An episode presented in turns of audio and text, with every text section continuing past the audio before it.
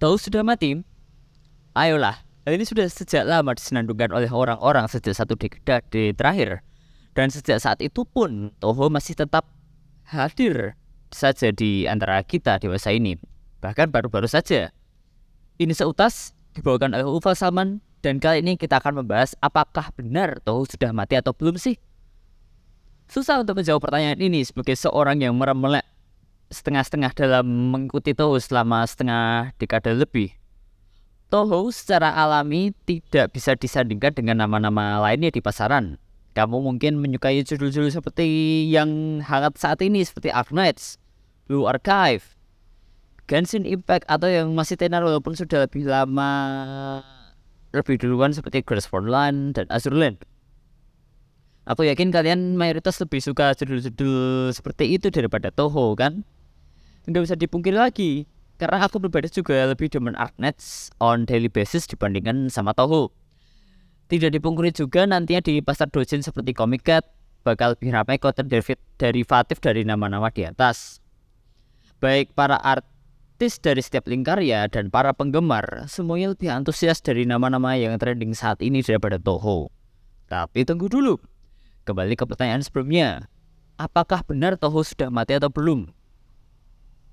Nah, sebagai dasar masalah, ini mengingatkan kepada postingan beberapa waktu yang lalu ya, muncul berita di salah satu grup ya grup Facebook gitu, di mana Blue Archive sudah menggantikan Toho sebagai kom seri seri yang ngisi komik pengantar booklet komiket sejak tahun 2007 dan 2022 kemarin pas komiket musim dingin ya.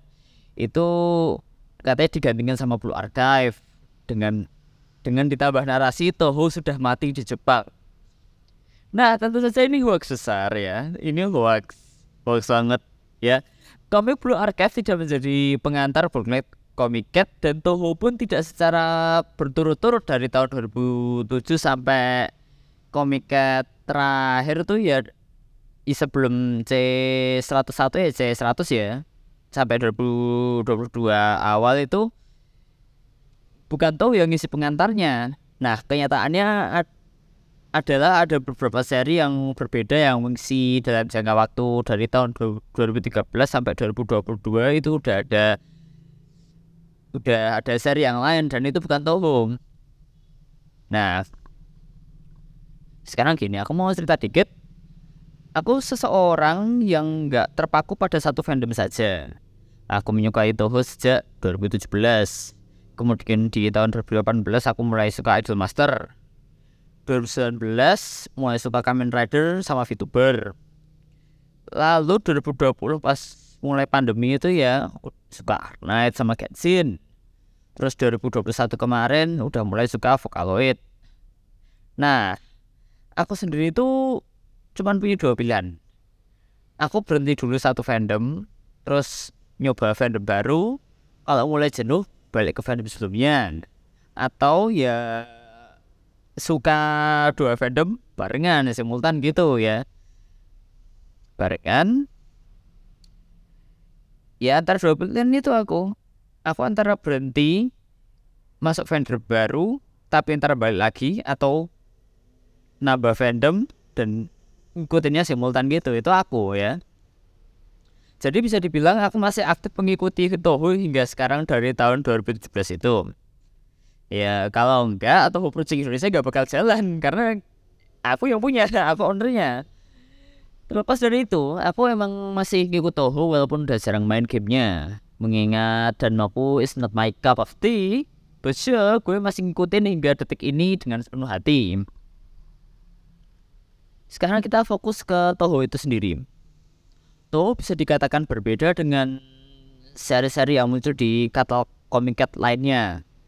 Toho sendiri bukan sebuah nama yang lahir dari sebuah perusahaan besar, bukan nama yang terbit melalui sebuah penerbit yang besar.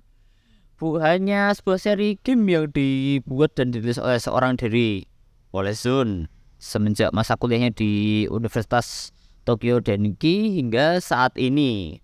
Tidak lupa pula Zun itu semenjak masa kuliah eh tidak lupa pula Zun itu juga bikin lagu-lagunya sendiri buat gamenya itu Sun bikin gamenya Sun juga bikin lagunya Sun juga bikin ceritanya nah Sun bikin lagu sama cerita itu juga gak nggak cuma buat gamenya doang dia juga bikin buat yang lainnya kayak dia juga ada seri music CD dan itu sol solely cuma buat musik doang. Jadi bukan kayak tambahan buat game itu enggak.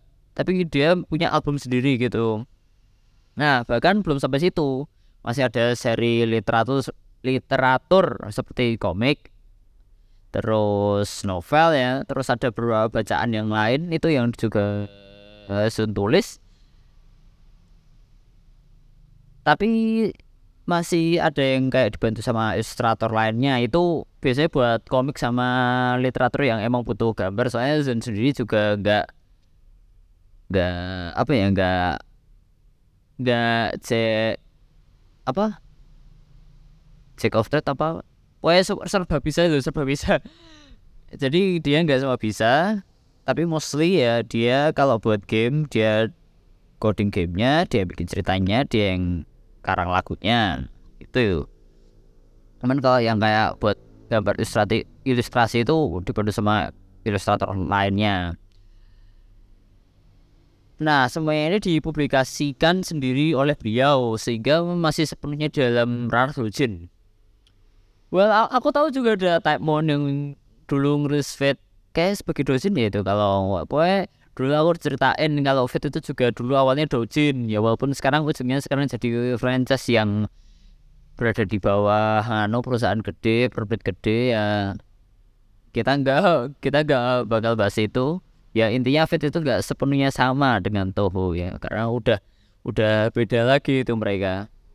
Nah kita sudah tahu Toho itu seri yang dibuat Zun itu sifatnya dojin Nah, bagaimana dengan konten dan karya lainnya dari penggemarnya?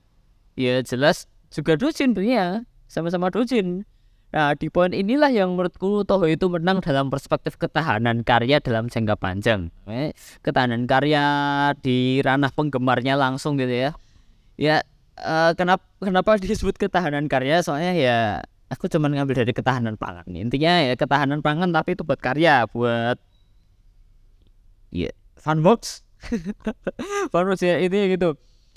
Nah, Toho itu dibangun dengan bantuan para penggemarnya. Jadi walaupun Toho diciptakan oleh Zun seorang diri, para penggemarnya yang ikut membantu mengembangkan, menyebarkan, mempromosikan dan melestarikan Toho itu. Bagaimana bisa?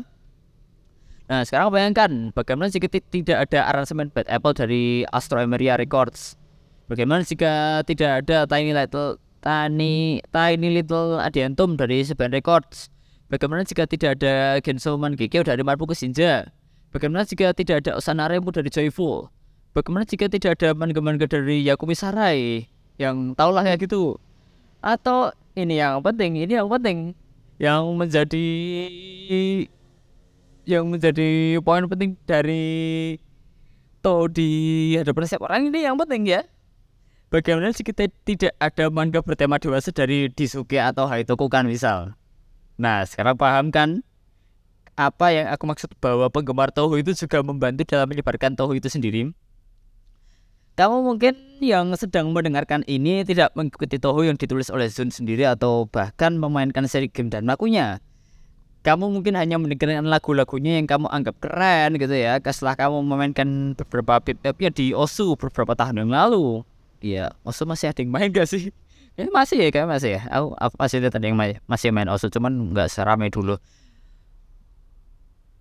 Kemudian kamu kamu mungkin juga apa namanya? Kamu mungkin hanya tahu Remu dan Marisa saja dan nggak tahu atau nggak peduli dengan karakter-karakter yang lain, nggak peduli dengan sisanya. Kamu mungkin hanya tahu Toho itu merupakan material porno saja karena kamu terlalu sering dekem ngetap di situs huruf N bersayap itu ya kan? Ya kan? Ngaku aja ngaku aja. Tapi ini sudah menjadi bukti nyata Toho itu bisa tersebar ha hanya karena karya dari penggemar gak cuma dari Zun sendiri. Sifat karya derivatif di Toho itu lebih bebas daripada nama-nama yang lain Well, baiklah, Fate dan Kancoli juga memiliki kebebasan yang hampir sama dengan Toho dan bisa mengalahkan nama-nama yang turun dari korporat besar lainnya. Tetapi apakah kedua nama itu memiliki pilihan yang sangat luas luas Toho itu sendiri? Kesampingkan masalah keuntungan dan sejenisnya ya. Apakah mereka bisa menyamai Toho dalam segi kuantitas karya penggemar? Karena sifat Toho itu lebih terbuka. Inilah yang membuat pilihan konten dalam Toho itu sangat beragam sekalipun pasca revisi guideline dari Zone sendiri beberapa waktu yang silam ya, pilihannya tetap tetaplah beragam. Manga ada, merch ada, novel ada, game ada, musik ada, semuanya ada. Dan ketentuannya itu tidak terlalu mengekang, apalagi tidak terjerat hukum dari korporat. Apalagi yang enggak bikin ketentuan nggak boleh bikin konten pornografi dari gamenya. Siapa itu? Ya tahu sendiri lah, aku nggak mau nyebut siapa tapi kalian tahu sendiri, ada seri yang sekarang lagi ngetren itu ya kuda. Kenapa aku nggak bisa? Aduh, ya Yakuza, aduh dikejar Yakuza, aduh. Nah, sekarang dari penggemarnya sendiri. Ambil contoh aku ya. Aku selama dua tahun ini nggak begitu mengikuti Toho dengan cara main gamenya. Untuk manga dan literatur lainnya juga masih nggak ada niat buat lanjut baca. Entah karena sibuk in real life atau lebih memilih melakukan hal yang lainnya aja. Tetapi yang masih aku ikuti hingga sekarang sehingga membuatku secara teknis masih mengikuti Toho adalah musiknya. Bisa dibilang Toho lah nama yang memiliki pustaka musik yang paling banyak di antara yang lainnya. Dari berbagai macam genre, berbagai macam mood, berbagai macam latar, semuanya ada. Di sinilah yang menjadi poin plus Toho dibanding yang lainnya, musik yang beragam. Aku tetap mengikuti Toho dengan mengikuti lingkar yang aku suka seperti Demetori, Astro Media Records, Front Loudness, Atsuki Records, Amartas, Amaterasu Records, Rolling Contact, Awan, Iosis, Hachimitsu Lemon, Minimum Electric Design, dan masih banyak lagi. Selama masih dengerin lagu Toho, masih bisa dikatakan ngikutin Toho. Simpelnya seperti itu. Gak masalah jika kamu udah gak main gamenya karena susah atau tidak ingin terlalu tahu lore dan seluk beluk tetek bengek karakternya. Gak masalah sama sekali. Sekarang kembali dari sisi para kreator. Tuh selama beberapa tahun belakangan mengalami perkembangan yang cukup pesat dalam pendekatannya dengan fans.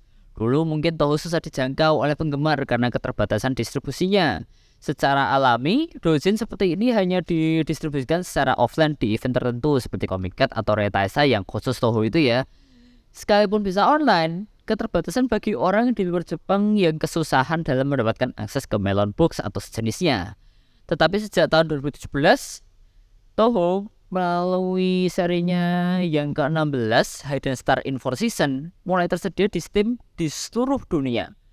Tentu saja ini menjadi angin segar bagi, para penggemar di luar Jepang untuk mendapatkan game Toho dengan mudah secara legal yang mendukung ke tim Sangai Alice secara langsung.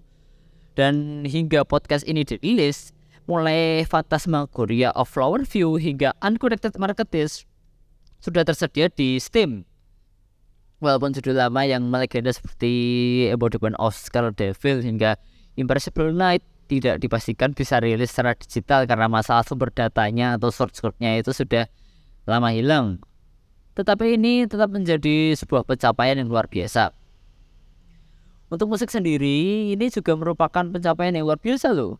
Sejak Desember 2020, lagu-lagu Toho di bawah label Toho Dojin Music Distribution tersedia di YouTube Music dan Apple Music berita ini menjadi eh berita ini menjadi salah satu yang sangat menggembarkan tetapi juga membahagiakan para penggemar Toho di seluruh dunia. Selain aksesnya yang semakin mudah, tentu saja dengan mendengarkan lagu-lagu dari lingkarnya kesayangan menjadi tidak khawatir lagi dengan pembajakan karena di sini benar-benar legal. Lima bulan kemudian, ekspansi distribusi dilakukan ke Spotify dan tersedia bagi pengguna Spotify free juga. Sorak-sorai kembali terdengar karena lagu-lagu Toho bisa didengarkan secara gratis di sana. Yang di mana di YouTube Music dan Apple Music sendiri memerlukan langganan dulu. Tentu saja ada kekurangan dalam solusi ini. Karena tidak semua link karya dalam seluruh sejarah permusikan Toho itu mendaftarkan diskografi mereka ke Toho Dojin Music Distribution agar lagu mereka didistribusikan ke layanan streaming musik tersebut. kamu tidak akan menemukan kayak Demetori, PCSL, Crosscrow dan Electric Club di Apple Music misal karena mereka emang nggak mendaftarkan lagu-lagu mereka ke sana.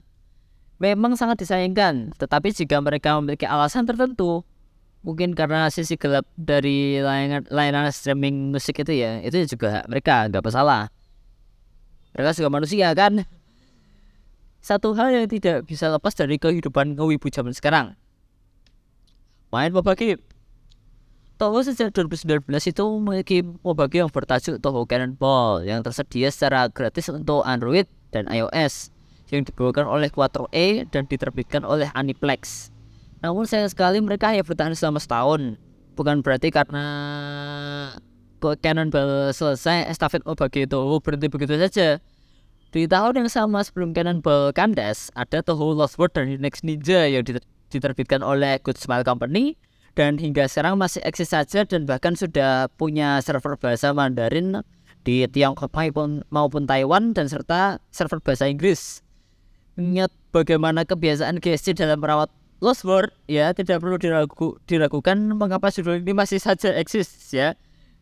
Milking, milking terus sampai alternya berapa sendiri? Aku nggak aku nggak tahu. Karena aku nggak begitu main Lost World. Day one install ya server N aku udah tirah nggak nggak suka aku nggak suka gameplaynya. Anyway, tidak lama kemudian ada Toho dan Mafu Kagura yang dibawakan oleh Unknown X yang aslinya adalah Aqua Style bersama Dina sebagai penerbit yang dirilis pada tahun 2021 tapi diistirahatkan di tahun berikutnya setahun berikutnya ya. Tetapi ada kejutan setelah itu. Habis ini tak ceritain. Nah di sini ada dua judul mau bagi lagi yaitu Dungeon Dive yang sayangnya tidak banyak orang yang membicarakan ini entah karena nggak minat atau emang gamenya stagnan. Bukan jelek sih tapi emang nggak begitu menarik beneran.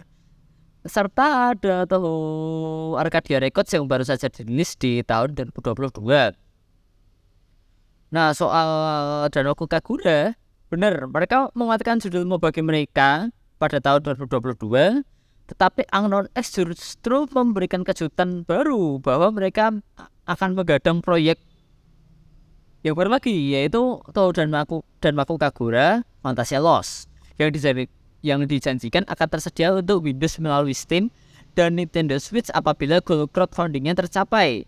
Dan kabar baik, alhamdulillah tercapai bahkan hingga 13 kali lipat dari goalnya yaitu 193 juta yen. Dari 15 juta yen saja. Dan itu kalau dirupiahkan udah hampir 23 miliar loh itu. Like Wow, gila mereka. Tentu saja ini karena dukungan dari fans Toho sendiri, ya. Nah, sekarang kembali lagi ke Zun. Zun masih merilis Unconnected Marketers. Ah, susah banget itu nama. Unconnected Market Marketeers pada tahun 2000 Mei 2021 dan 100 Black Market pada Agustus 2022 kemudian judul yang merupakan kerjasama dengan Twilight Frontier sang sangkan Fossil of World pada November 2021 untuk Windows dan November 2022 untuk Switch. Lalu ada al mini album ya mini album. Rainbow Color Sepen Septen eh, Septentrian yang dirilis pada 2021 Mas dan masih ada judul komik yang masih ongoing juga lihat sendiri kan? Ini masih rilis game masih rilis aku masih nulis komik juga. Lihat sendiri kan selama Zun masih berkarya toh itu belum mati. Selama masih ada yang mengikuti dan mendapatkan karya-karya beliau serta lingkar ya lingkarnya lainnya toh itu belum mati. Dan ingatlah bahwa toh itu penggemarnya tidak cuma di Jepang doang. Dan ingat bahwa penggiat Dojin Toho gak cuma di Jepang doang. Lingkaryanya itu banyak yang asing lingkar karya asing itu banyak yang bagus-bagus karyanya seperti Takashi Wolf itu di dari Amerika Serikat Frozen Starfall itu dari Jerman dan dari Indonesia sendiri pun juga ada. Altersin, Evaria Works dan aku sendiri juga bikin sebagai Rito Katsuki kan? Nah tuh itu emang gak mati selama Zun masih berkarya. Tapi coba sedikit shifting dari jawaban Horizon. Dan untuk membahas topik yang ada di awal tadi ya, Toho sekalipun tidak menjadi tuan rumah pada pengantar buklet komiket itu bukan masalah. Toh Toho juga punya berbagai macam event dosen sendiri, baik yang mencakup Toho secara umum ataupun spesifik pada fokus tertentu ya. Seperti Reitasai, terus Kouromu, terus ada Meikaisai, macam-macam. Itu Toho punya event dosen sendiri. Komiket gak ada, mereka bisa jalan sendiri dan ini digadang oleh komunitasnya sendiri jadi nggak perlu bantuan dari pihak berwenang kayak komiket itu. Lalu minat Toho itu bagaikan Gensokyo itu sendiri jika kamu perhatikan. Ini aku ngutip dari komentar di internet ya. Orang-orang di luar sana atau orang yang tidak mengikuti Toho menganggap Toho itu sudah tidak ada sudah tidak ada atau mati tetapi pada kenyataannya Toho itu sudah ada sejak awal technically ya dan tidak akan musnah begitu saja. Mereka hanya perlu melewati batas atau border untuk dapat melihatnya dengan bantuan Yukari. ya kalau mau ke, Gens, ke Gensokyo sekarang ya gak apa, tak antrin. Si, ayo, silakan, ayo. Ya mungkin gitu dulu aja buat episode kali ini. Thank you buat yang udah dengerin. Sampai jumpa.